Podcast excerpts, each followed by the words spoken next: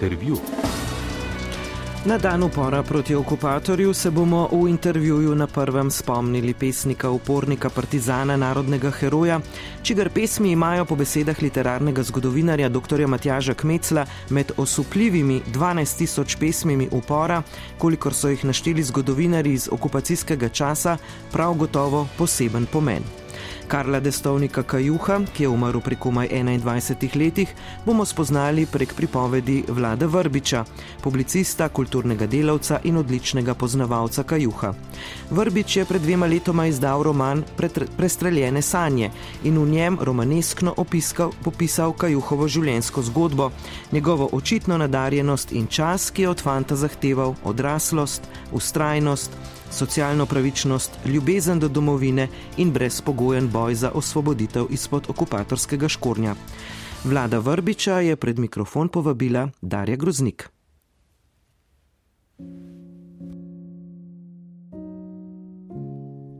Zakaj ne nosite v dlaneh svojih src ljudje? Zakaj vam niso upisane v očeh vaše misli in želje? Kaj ti prav v teh dneh? Ko je vsaka slutnja greh, ko si vsak želi v teh in skriva vsak po svojih se poteh. Prav v teh, prav v teh usodnih dneh bi morali nositi vsi srca v dlaneh. In kadar bi se zavedeli, kaj naš up velja, kaj velja naš težki boj, da ni malo naših, da nas je ne broj. Ljudje če v vaših bi očeh razbral, po kakšnih hodite poteh, in če vsakdo od vseh srca na dlan bi dal, da človek bi človeka prepoznal, takrat bi v hipu stari svet propal. To je bila pesem Karla Destovnika Kajuha, ko človek bo človeka prepoznal. Nastala je med okupacijo med letoma 41 in 43.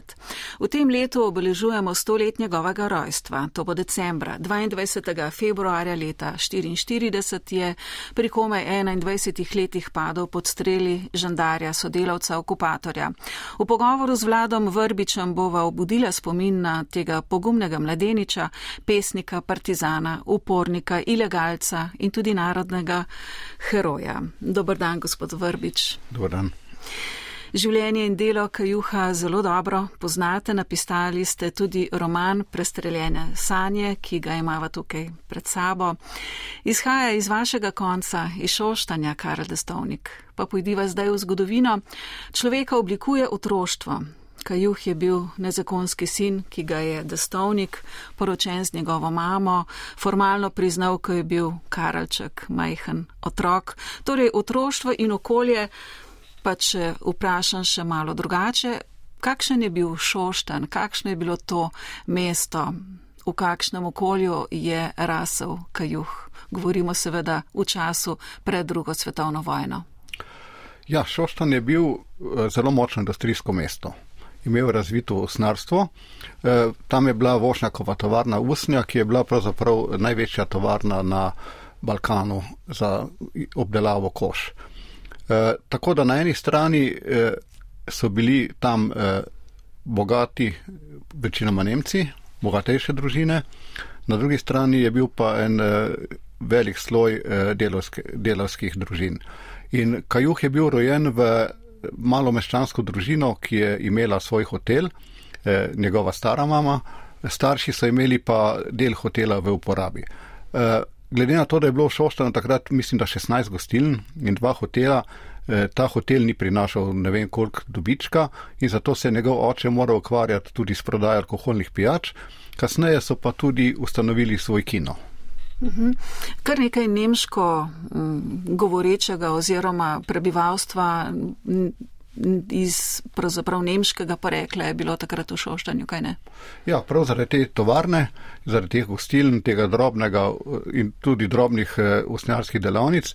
Tako da eh, Kajuh je po očetovi strani spoznal eh, tudi vso bedo tega delovskega sloja. Njegov det je bil usnjar, njegov stric je bil usnjar. To so bili ljudje, ki so cele dneve delali v tistih smrdljivih pogojih.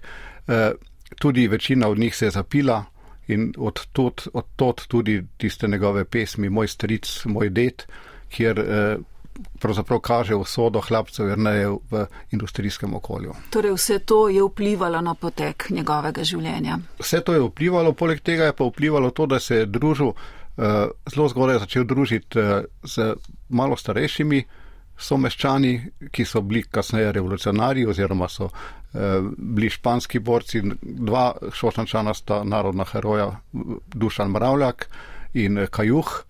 Eh, in to okolje je bilo zelo eh, napredno. Zelo močno delovsko gibanje so imeli in Kajuh se je po šoli družil s temi ljudmi, predvsem v Sokolu. Sokol je bil, Sokol je bil takrat zatočišče skojecev oziroma komunistov, ker niso smeli legalno delati. Mhm. Torej, det na eni strani stric in na drugi strani narodno zavedni mladinci, ljudje, ki so seveda častili slovenstvo. Je to tisto, kar je, bi rekla, zelo vplivalo na potek njegovega življenja? Ja, jaz mislim, da je bil to tisti prvi vpliv, ki je uh, v njem zbudil nek eh, socialni čut, nek uh, občutek za pravičnost. In uh, neko vizijo, da bi lahko bilo lepše. Kdaj je Karel Destovnik Juh takrat še ni bil Kajuh napisal svojo prvo pesem? Prvo pesem je napisal tam nekje pri 16 letih, 15-16 letih. Prva objavljena pesem je bila Slutnja, ki je neverjetno primerna tudi za današnje čase. Tam, eh, to je bil čas, ko je bila v Španiji državljanska vojna, to je bil čas, ko je Japonska napadla Kitajsko, to je bil čas, ko so se nad celo Evropo skrinjali črni oblaki in takrat je napisal, da si nikoli ni mislil, da bomo ljudje 20 let po prvi svetovni vojni eh, spet divjali s peno na ustih po svetu in se pobijali med sabo. Karel je obiskoval gimnazijo v celju, še vozil se je z vlakom nekaj časa iz Oštanja v celje. Seveda tega vlaka ni več. Tega, ta vlak je še, ta vlak je še. Uh, je pa res, da je on se nekaj časa se je vozil, potem so ugotovili, da mu v šoli ne gre in so ga eh, poslali na stanovanje k nekim ljudem v, v celje. Takrat se je potem v enem letu zadeva v šoli popravila in potem se je spet vozil. In ta vlak je bil pravzaprav tudi ena kalilnica njegovih nazorov, kajti tam so se vozili eh, napredni šoštančani, dijaki. Eh, poleg tega so pa na naslednjih postajah vstopali tudi drugi, recimo Vera Šlandrova v Preboldu in ta Vera Šlandrova je bila, je bila celo takrat predsednica, mislim, da skoja v celju in to je bila njegova družba. Mhm. V romanu Prestreljene sanje do potankosti uh, opišete to njegovo gimnazijsko obdobje kazal se je ta njegov uporniški duh, pisal, skratka, ali je to, kar je ustvarjal v času gimnazije, izraz nekega mladostniškega iskanja, ali je bil takrat že kot osebnost tako izoblikovan v čutu za socialno pravičnost. Kaj mislite? Jaz mislim, da je bil že izoblikovan, poleg tega pa je šlo mogoče ne za neko vihravost mlado, mladostniško, ampak bolj za, eh, za neko romantiko. Takrat je tudi po celi Evropi bil ta romanticizem med mladimi zelo popularen, tudi eh, zelo velik je bilo hm, pobud oziroma eh, želja po samomorih, ker eh, ti mlad, mladeniči niso videli izhoda iz eh, situacije, v svet je bil, so videli o črnem. Je, je tudi njegov sošolec, eh, ki je sedel z njim v klopi, Franz Primc, je naredil samomor, ker je bil obupan vsem in ona dva so se pred tem samomorom veliko pogovarjala o teh zadevah in tudi eh, mi imamo do, dokumentirane te njihove lističe, kjer sta si dopisovala in tudi Kajuh je izražal zelo, zelo močno željo oziroma hotenje, da bi naredil samomor.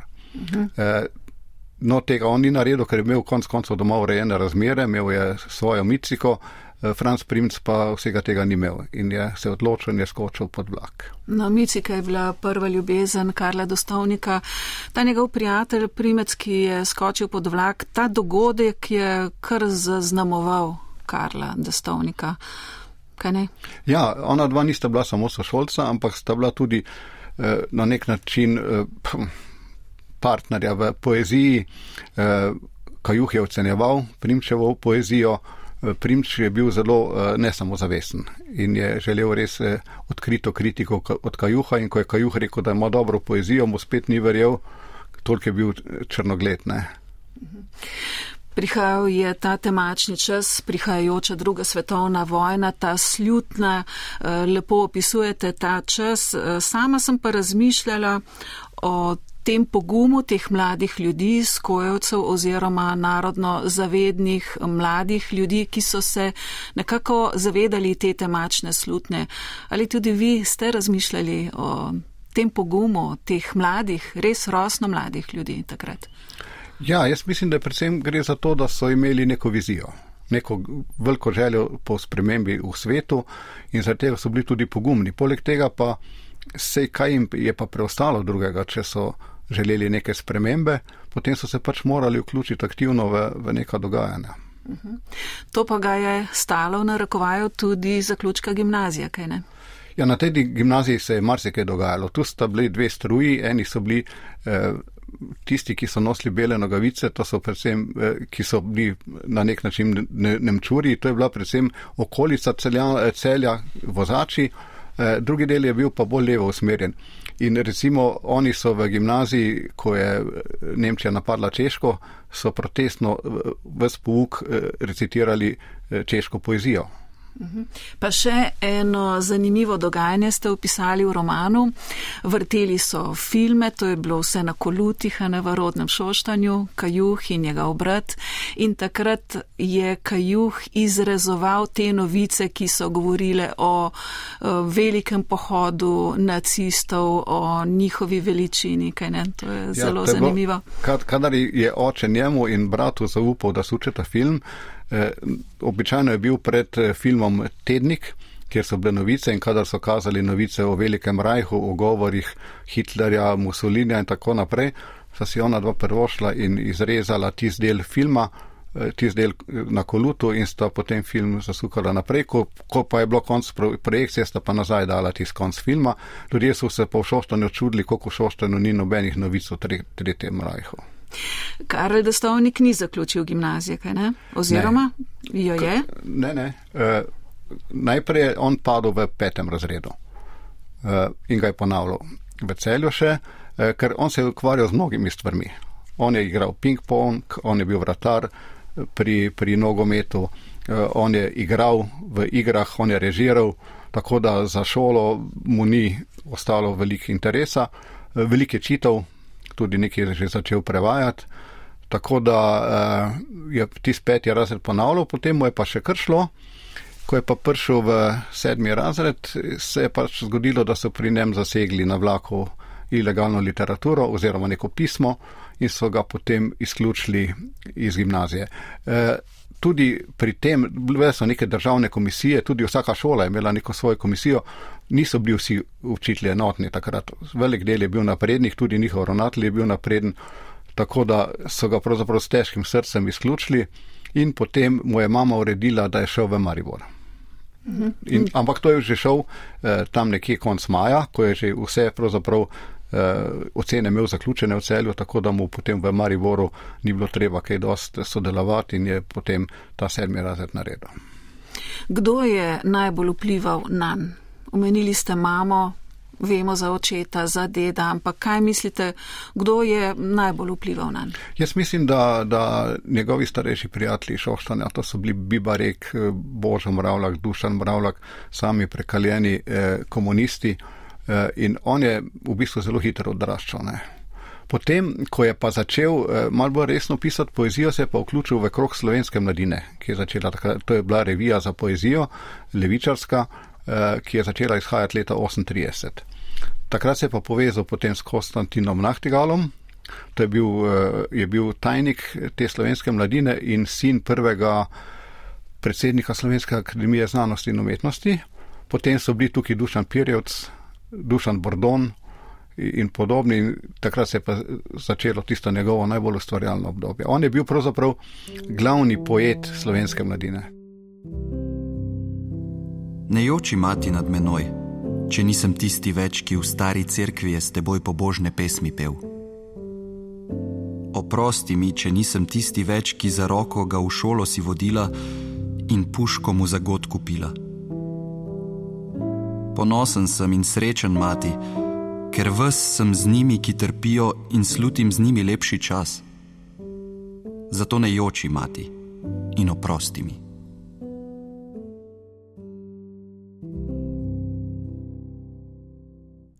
Slišali smo pesem Karla Destovnika Kajuha Nejoči mati.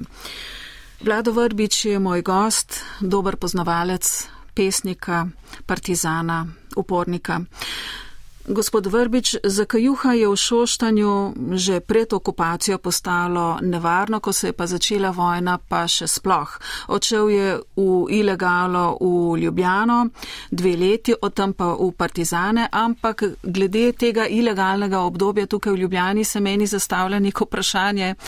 Moral se je skrit, ampak zakaj ni pravzaprav odšel nekam na samoto v neko kmetijo, ne bi bilo to lažje, da se skrije, potuhne za nekaj časa, ampak ne, on je odšel v Ljubljano in tu je preživljal ne lahko obdobje dveh let. Torej, zakaj prav Ljubljana?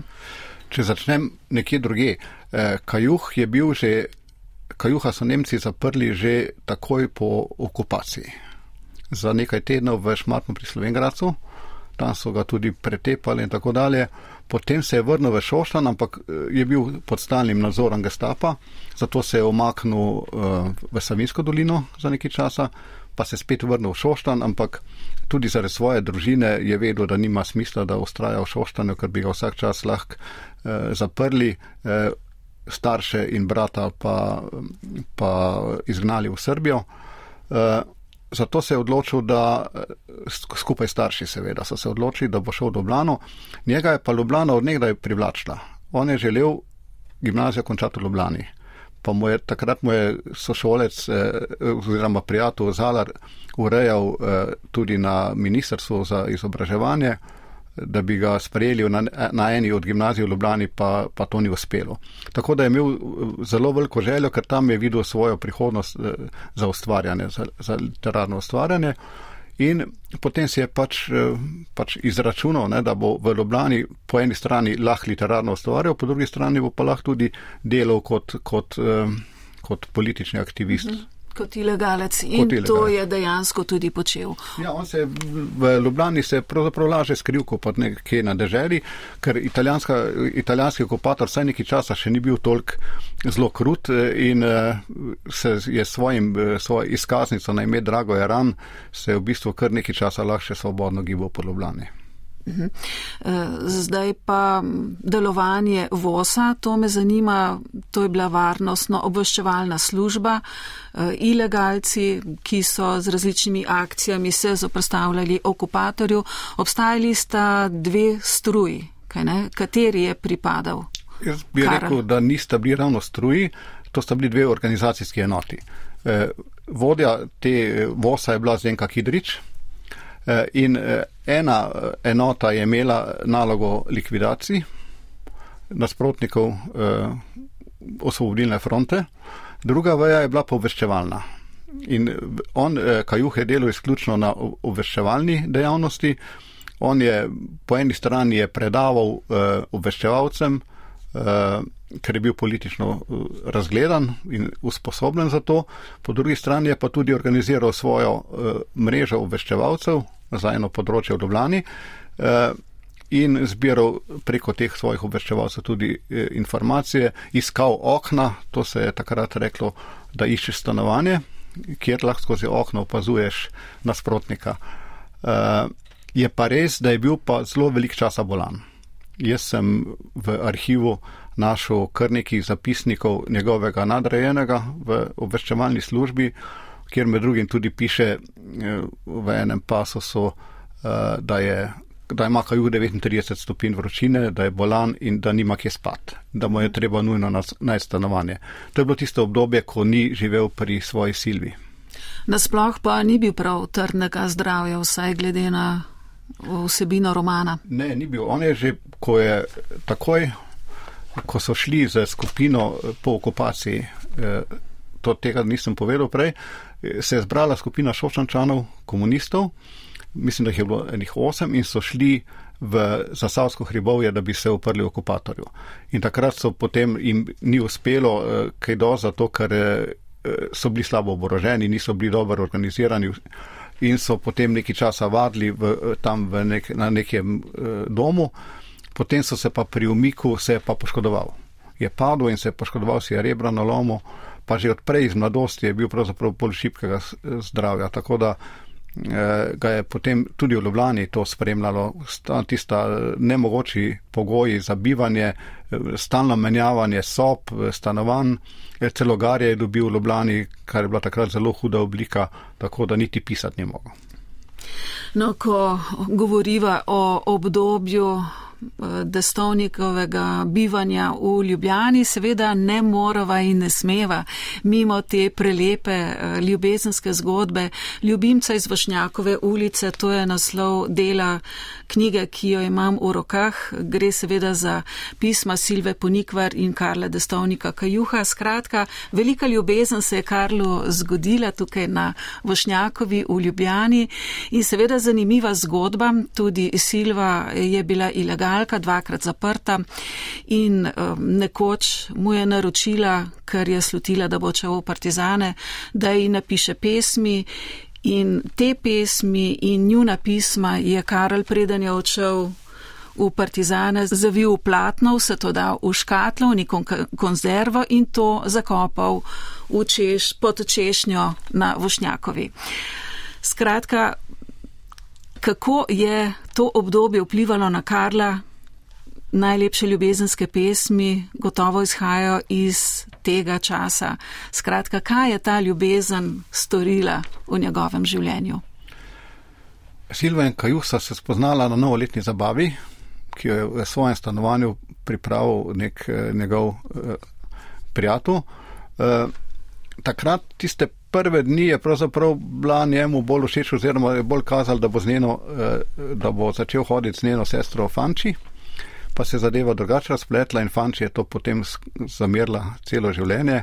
Uh, skratka, dva meseca potem sta začela Silva in, in Kaju hoditi in to je bilo potem tisto njegovo najbolj, bi rekel, čustveno, najbolj polno in tudi najbolj ustvarjalno leto v, v, v njegovem življenju. Takrat so nastale najlepše pesmi. Eh, ki so bile vedno povezane z ljubeznijo, ampak eh, te ljubezni nikoli ni bilo brez boja za svobodo in za, za, za enakopravnost. Uh, takrat so dejansko najlepše pesmi so nastale. Takrat Silva je bila dvakrat zaprta in on je v zapor pošiljal te pesmi svoje sproti. In potem dejansko prednje šel partizane, on je rekel, ko je pisal v zadnjem pismu oziroma v zadnjih pismih, da pričakuje, da bo dobil novo službo na Dolenskem, kar je pomenilo, da bo šel partizane. Eh, in takrat sta se pol, je, mu je tudi naročila, da mora tiste pesmi zakopati počešno. Ampak ta škatla s pesmimi, z pismi, to je ne, res neko razodetje bilo, ko so vse to odkrili. Ali se je približno vedelo, da to nekje obstaja pod češnjo? Ja, Silva je vedela, ker je povedal, ko je Silva prišla iz zapora oziroma konc vojne, je to odkopala. Kdaj se je to zgodilo, kdaj je bila škatla odkopana, da obudimo spomin? Ja, škatla je bila odkopana takoj po vojni. Uh -huh. e, tako da eh, ona jo je hranila vse čas, potem pa je se njeni otroci pa podarili nuku, kjer jo imajo še sedaj. Mhm. In knjiga je zagledala luč sveta, pravzaprav pozno, šele leta 2014. Ja, ampak je bila takrat pa razglašena za najlepšo knjigo na knjižnem sejmu ker je dejansko ta pisma so nekaj najlepšega, kar je v slovenski literaturi nastalo, ker to niso samo pisma, to ni korespondenca, to so dejansko eni taki mali biseri. Ja, to so taki čustveni izbruhi, res eh, pomnik nečesa lepega, kar se je dogajalo v tako težkih časih. Eh, knjigo je uredil nedavno preminuli Mihajl Glavan, raziskovalec in publicist gospod Glavan je dejansko prvi objavil vsa ta pisma. E, moram pa reči, da o Kajuhu so pisali mnogi. In največ, jaz sem tudi največ črpal iz njega, je, je napisal Emil Cesar. E, on je tudi doktoriral iz Kajuha, on je zbral vse, kar se je takrat dalo, vse dokumente in jih je potem izdal v eni zelo obsežni knjigi, 500 strani, ki, ki jo verjetno ne berejo ljudje veliko, je le obsežna zadeva, ampak če hoče kdo kaj izvedeti o kajuhu, potem je, tist, je potem ta knjiga prvi naslov. Potem je pisal o njem še Kmetzel eh, in, in drugi literarni zgodovinari, tako da dejansko je eh, kajuh kar eh, dosti dobro obdelan z, z vidika literarne zgodovine. Karel Destovnik Kajuh. Gospod Vrbič, odkot to ime, to partizansko ime Kajuh, kaj to pomeni? Eh, v naših koncih eh, obstaja ptica, ki je ene vrste sokol, eh, domačini rečejo abuh, mnogi drugi domačini pa tudi kanja. Ampak kanja je nekako uradno ime, med domačini se pa veljavlo ime kajuh. In na domačiji, kjer je živel njegov det, je bilo veliko teh kajuhov, tako da se je potem destovnik pravzaprav to ime nadel šele leta 42, ko je napisal pesem za našo ženo. No, um, Karl Destovnik je bil oziroma vodil je kulturniško skupino 14. divizije. Ampak kakšen je bil kot človek? Vemo, da je rad deklamiral, gledamo ga na starih fotografijah, ko z nekim zanosom govori na mitingih. Kakšen je bil torej Kajuh? Uh, V kulturniški skupini so vsi eh, člani skupine in prepevali eh, in deklamirali, no, eh, kajuh glede na to njegovo pripadnost partiji in njegovo razgledanost je tudi imel govore, spodbudne govore. On je bil kljub težkim razmeram vedno optimist. Vse se je v njegovi poeziji tudi pre, veliko prepletala smrt in tako naprej, ampak na koncu te smrti je pa vedno bila, je bilo sonce, je bila neka pomlad, kar je pomenilo, da bo ta narod nekoč osvobojen in da je vsaka žrtev uh, tega vredna. Oziroma, uh, za njega uh, v bistvu ni bilo cene, ki jo bi človek, človek lahko plačal za svobodo. Zelo uh, lepo pa je tudi deklamiral, kaj ne? Vsaj ja. zgodovinski viri o tem pričajo. Po, po pričevanjih je imel lep bariton in vedno se je uživel v te svoje deklamacije, tako da je res pritegnil ljudi že, njego, že vsebine pesmi so bile takšne, da so eh, segle ljudem v, v, v dušo. Eh, Velike govori o odnosu mati hči eh, oziroma mati, mati sin.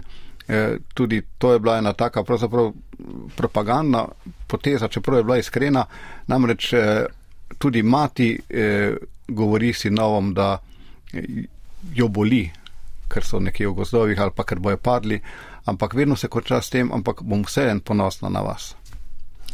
Prva pesniška izbirka Karla Destovnika Kajuha je šla v Partizanih, kaj ne? Ja, oktobra leta 1943, malo pred dnevom umrl. Kakšna je bila ta zbirka?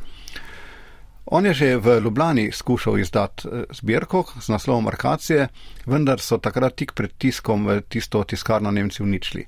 Tako da je eh, bila želja neizpolnjena.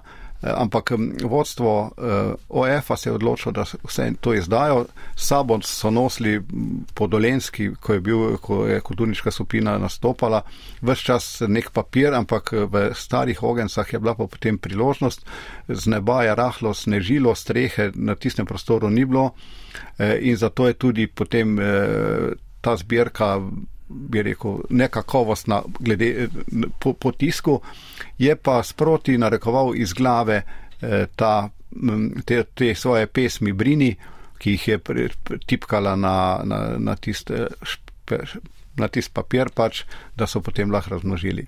Ohranila sta se dva izvoda, kolikor vemo, en je v Ljubljanskem muzeju novejše zgodovine, en je pa v muzeju novejše zgodovine v celju. Vse skupaj pa je šlo 38 izvodov. izvodov. Pesmi je bilo pa 27.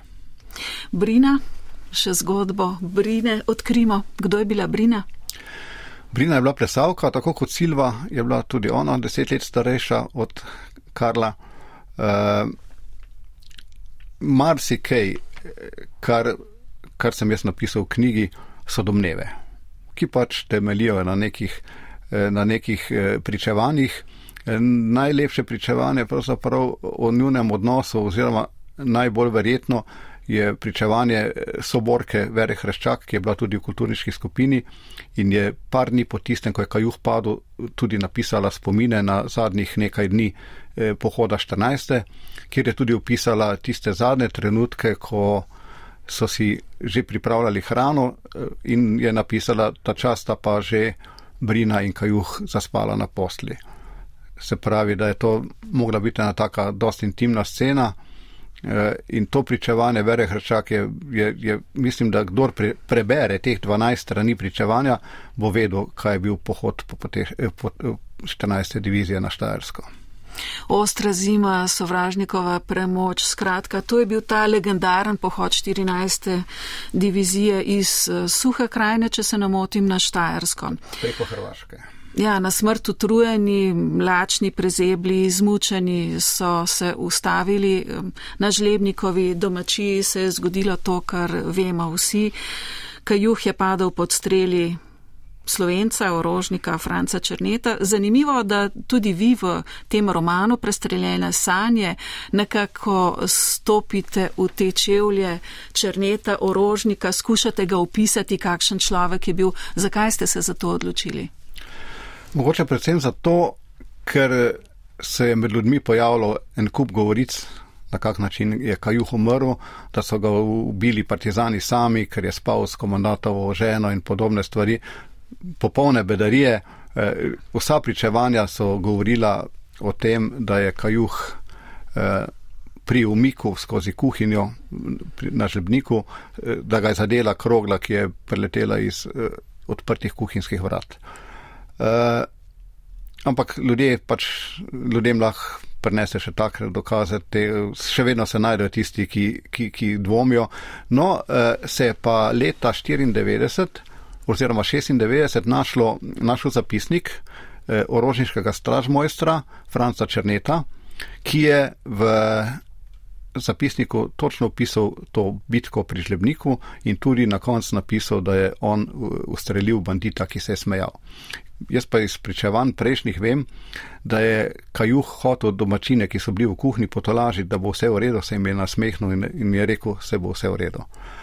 In jaz sem potem to zgodbo Črneta zato vključil, da bi ga mogoče pa malo mal razumeli pravzaprav vse skupaj. Črne je bil, je bil policist oziroma orožnik že v stari Jugoslaviji. Potem, ko so prišli Nemci, je bil neki pol leta brez službe, potem se je pa odločil, da je, da je sprejel isto službo pri Nemcih in eh, se je izkazalo potem, da je bil pa pravzaprav zelo trd vse čas. Eh, njega so 46 leta obsodili na smrt na sodišču. A zato, ker je ubil Kajuha? Ne, oni takrat tega niso vedeli. Oni so dobili eh, informacije, kaj je počel kot raztrganc na Gorenskem, eh, trde dokaze, da je z enim gestapovcem zvabil v, v gost eh, enega partizana in sta ga ubila. Eh, in jaz sem potem, to me je malo zamikalo in sem našel potem celo eh, razsodbo oziroma cel potek razprave na sodišču, kjer iz zapisnikov iz vsega je jasno vidno, kakšen je bil. Da je dejansko bil kriv teh zločinov in so ga potem obsodili na smrt in mislim, da je bila to smrt z obešanjem. Da je pa Kajuha ubil, pa je, kot rečeno, smo zvedeli tam nekje leta 96 iz tega zapisnika, ki ga je sam napisal. Mhm, kar pozno pravzaprav. Ja je tudi zanimiva zgodba, če lahko temu rečem tako, njegovega pol brata, tudi on je umrl med drugo svetovno vojno, ampak ne pri partizanih. Ne? Ta njegov pol brat Jožek je bil drugačen tip kot, kot Kajuh, je bil bolj po očetu, bolj vetrnjaški. Po nekih pričevanjih je on eh, takrat, ko so imeli namen izseliti eh, Kajuhovo družino, Kajuha že ni bilo več v Šoštanju, Eh, je obljubil, da bo šel eh, v nemško vojsko, če jih bojo pustili primer. On je dejansko bil potem v nemški vojski, na ruski fronti je padel pa nekaj dni pred Kajuhom, govoriva o Karlu Destovniku Kajuhu, o pesniku Partizanu, pesniku opora. Dr. Matjaš Kmecel, ki ste ga prej omenili, literarni zgodovinar, je za svobodno besedo za časopis Zveze združen borcev napisal, da je med osupljivimi 12 tisoč slovenskimi pesmimi upora so Kajuhove pesmi tiste, ki imajo zelo posebno mesto. Zakaj vi mislite, da ima Kajuh res posebno mesto med vsemi, ki so pisali pesmi, med vsemi pesniki? Ja, Kajuh je začutil ljudi. On je, on je pisal in govoril ljudem. E, njegova poezija ni zelo zapletena, je melodična in dejansko e, odraža nek optimizem. Če ga mi primerjamo recimo z Balantičem, katerega poezija je črna. On je, Balantič je bil introvertiran, popolnoma njegova poezija je črna, eh, ni videl svetle prihodnosti, Kajuh pa vedno govori o tem, da za trpljenjem bo prišla pomlad. Kaj vas je pri življenju in delu Kajuha tako prevzelo, da ste se lotili romana, da ste do potankosti raziskali njegovo življenje, da ste se ga res lotili zelo pozorno, eh, z vso mogočo pozornostjo? Kaj vas je tako prevzelo? Nič me ni prevzelo. Jaz sem bil pravzaprav na nek način vržen v to. Uh, jaz sem bil skozi prepričan, da je treba o Kajuhu posneti nek film, nek takšen film, kot je bil Dr. Živago, ker Kajuhovo življenje samo po sebi je imelo drama. Njegovo življenje pravzaprav ni, ni težava zapisati, zato ker dejstva poznamo, dogajalo se mu je pa tudi tako, natanko tako kot v filmu, eh, s, s, s ta pravim koncem pravzaprav za, za neko melodramo. Tako da, eh, ko sem prepričval nekega založnika, da bi bilo dobro eh, najti nekoga, ki bi napisal ta roman, je pač moja kolegica v službi rekla, da se boš pa ti napisal. Jaz pač nisem imel teh, eh, nikoli nisem imel teh ambicij. Potem sem si pa vzel časa premislek in na koncu sem se odločil, da poskusim. Mhm. Koliko je pisateljske svobode tukaj in koliko dejansko faktografije, ki temelijo na trdnih dokazih? Okolje je sigurno dokumentarno pravzaprav skoraj vse stvari, ki so napisane v knjigi, so se dejansko zgodile, na kakšen način so se zgodile, sem pa jaz potem pač moral tudi uporabiti domišljijo, ker o vsem pač ni pričavan. Zdaj je pa zanimivo, tudi jaz sem obiskala nedavno nazaj Velensko knjižnico. Zanimivo je, kaj knjižnica vse hrani, kaj juhovega, pa mogoče lahko poveste ob tej priložnosti, kaj skriva oziroma kaj hrani Velenska knjižnica. V Šoštonu je bila nekoč spominska soba Karla Destonika Kajuha, ki jo je v glavnem uh, uredil uh, Emil Cesar. Potem pa, ko se je šola širila, zanimanje za spominske sobe je pa padalo, so se odločili, da ukinejo to spominsko sobo in so gradivo, so gradivo dali družini Mešič, ki so potomci Kajuhove tete.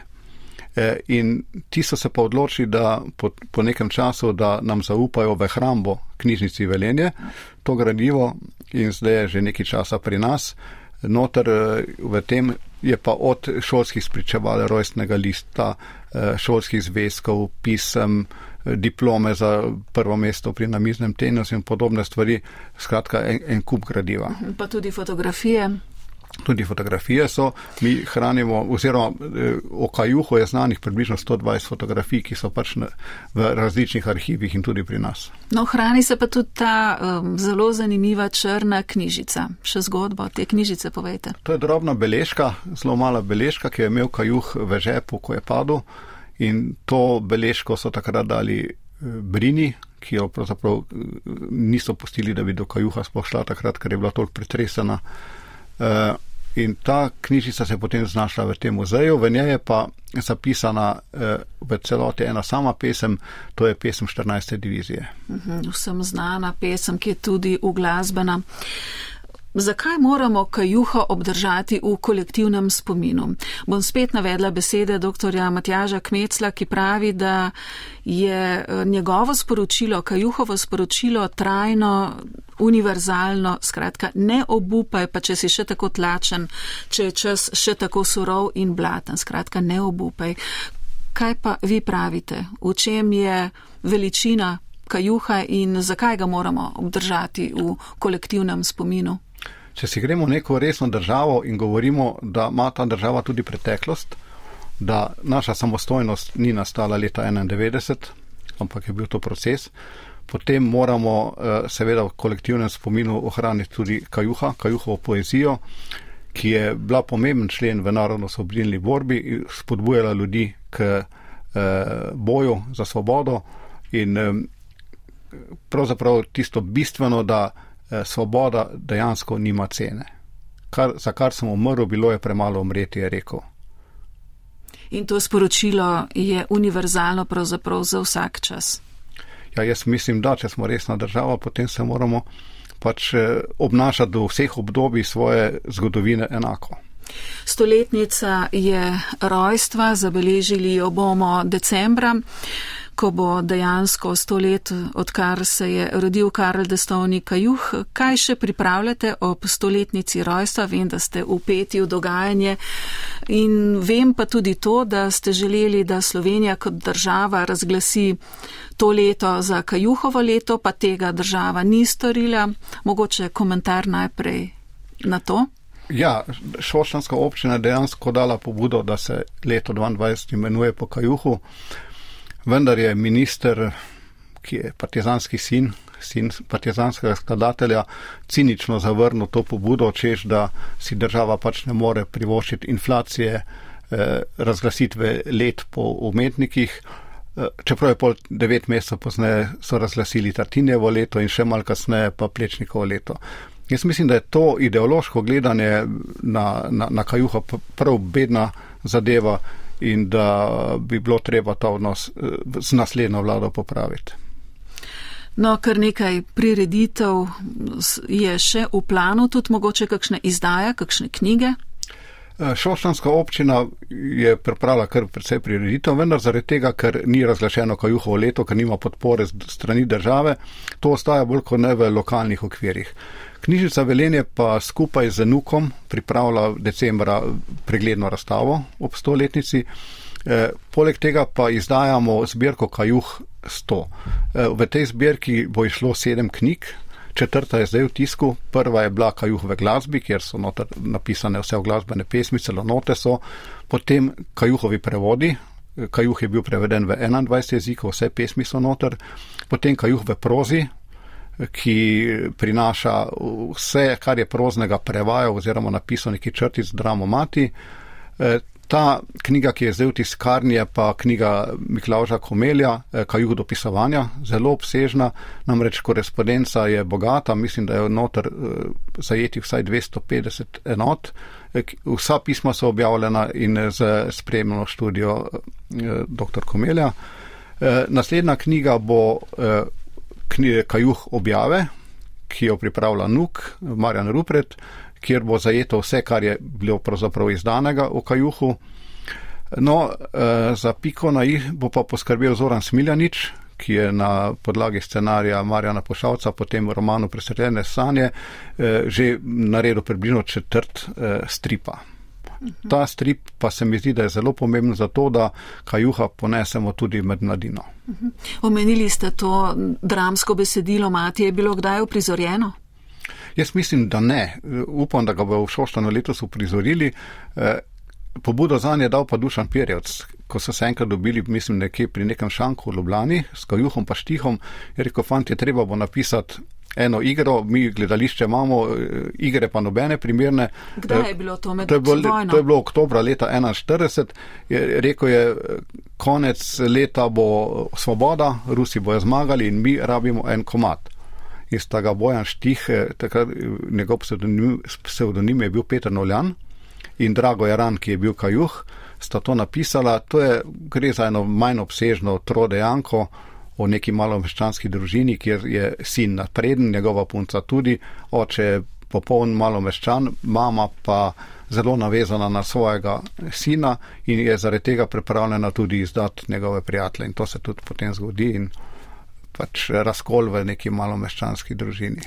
Ampak juh ni bil prav navdušen nad tem delom, kaj ne? Ne, ne, ona dva sta bila navdušena, samo potem ni bilo priložnosti, ker ni bilo osvoboditve tisto leto, je pa Dušan Pirjec kasneje izjavo, da hvala Bogu, da takrat ni prišlo do, do svobode, ker ta igra pač ni bila primerna za uprizoritev.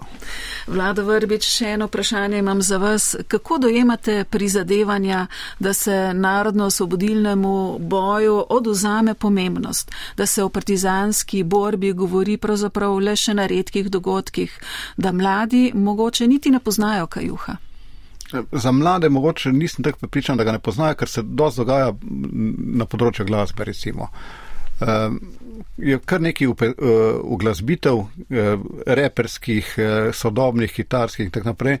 Tako da to mogoče ne drži čist, je pa res, da je pa cela klima, ne tudi ne bom rekel cela, ker jaz mislim, da eh, ne gre za pravi razkol v naši družbi, namreč če od drevesa odpade ena veja, potem to še za mene ni razkol, da ljudje vendarle spoštujejo tudi, tudi tisti z desnice narodno-svobodilno borbo, je pa treba seveda pošteno spregovoriti o vseh zadevah. Narodno-svobodilna borba je imela tudi svoje minuse in eh, mi smo dolžni naslednjim generacijam pošteno povedati, kaj se je dogajalo. Ker konc koncev vsaka država ima neko zgodovino, ni države brez zgodovine in če hočemo ustvarjati neko prihodnost, potem moramo vendarle imeti eh, razčiščeno zgodovino. In nekatere stvari, ki so se pri nas zgodile, so pač objektivna resnica, sodelovanje z okupatorjem, izdajstvo in tako naprej. To je objektivna resnica, ki je pač obstaja, ne moramo jo zanikati. Vlado Vrbič, imate svojo najljubšo kajuhovo pesem? Ha, nisem prepričan. So obdobja, ko so ene zelo pri, pri srcu, pa obdobja, ko so druge pri srcu. Eh, pa, jaz sem vsako pesem vzel v roke in jo prepisal v računalnik. Eh, in ko v vsaki pesmi razmišljaš, potem bo zelo težko izbral najboljšo, najlepšo. No, jaz sem za konec izbrala pesem Samo en svet. Vlado Vrbič, hvala lepa, da ste bili moj gost. Hvala tudi vam.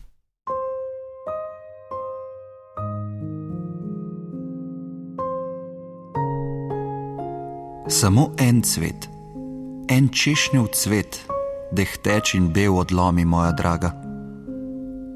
Ne bom ga za klobuk pripel, ne bom ga v gumbnico sedel, odlomi ga, odlomi, draga. Jaz bom ljudem poslal ta cvet, vsakomur, ki na križ pripet trpi v pomladitej. In glej, ta drobni češnjev cvet bo v njih izbrisal malodušja sled in spet razžaril tožni jim pogled. Samo en bel, en češnjev cvet odlomi, moja draga, saj veš, kako vsak tak pozdrav človeku za rešetkami pomaga.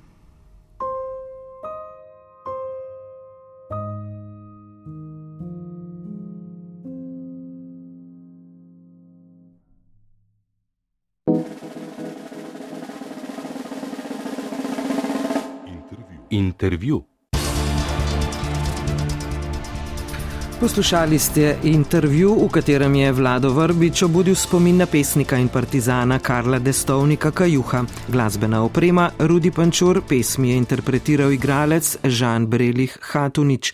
Odajo je pripravila Darja Groznik. Celotna odaja je na voljo na spletni strani prvega in med podcasti Radia Slovenija.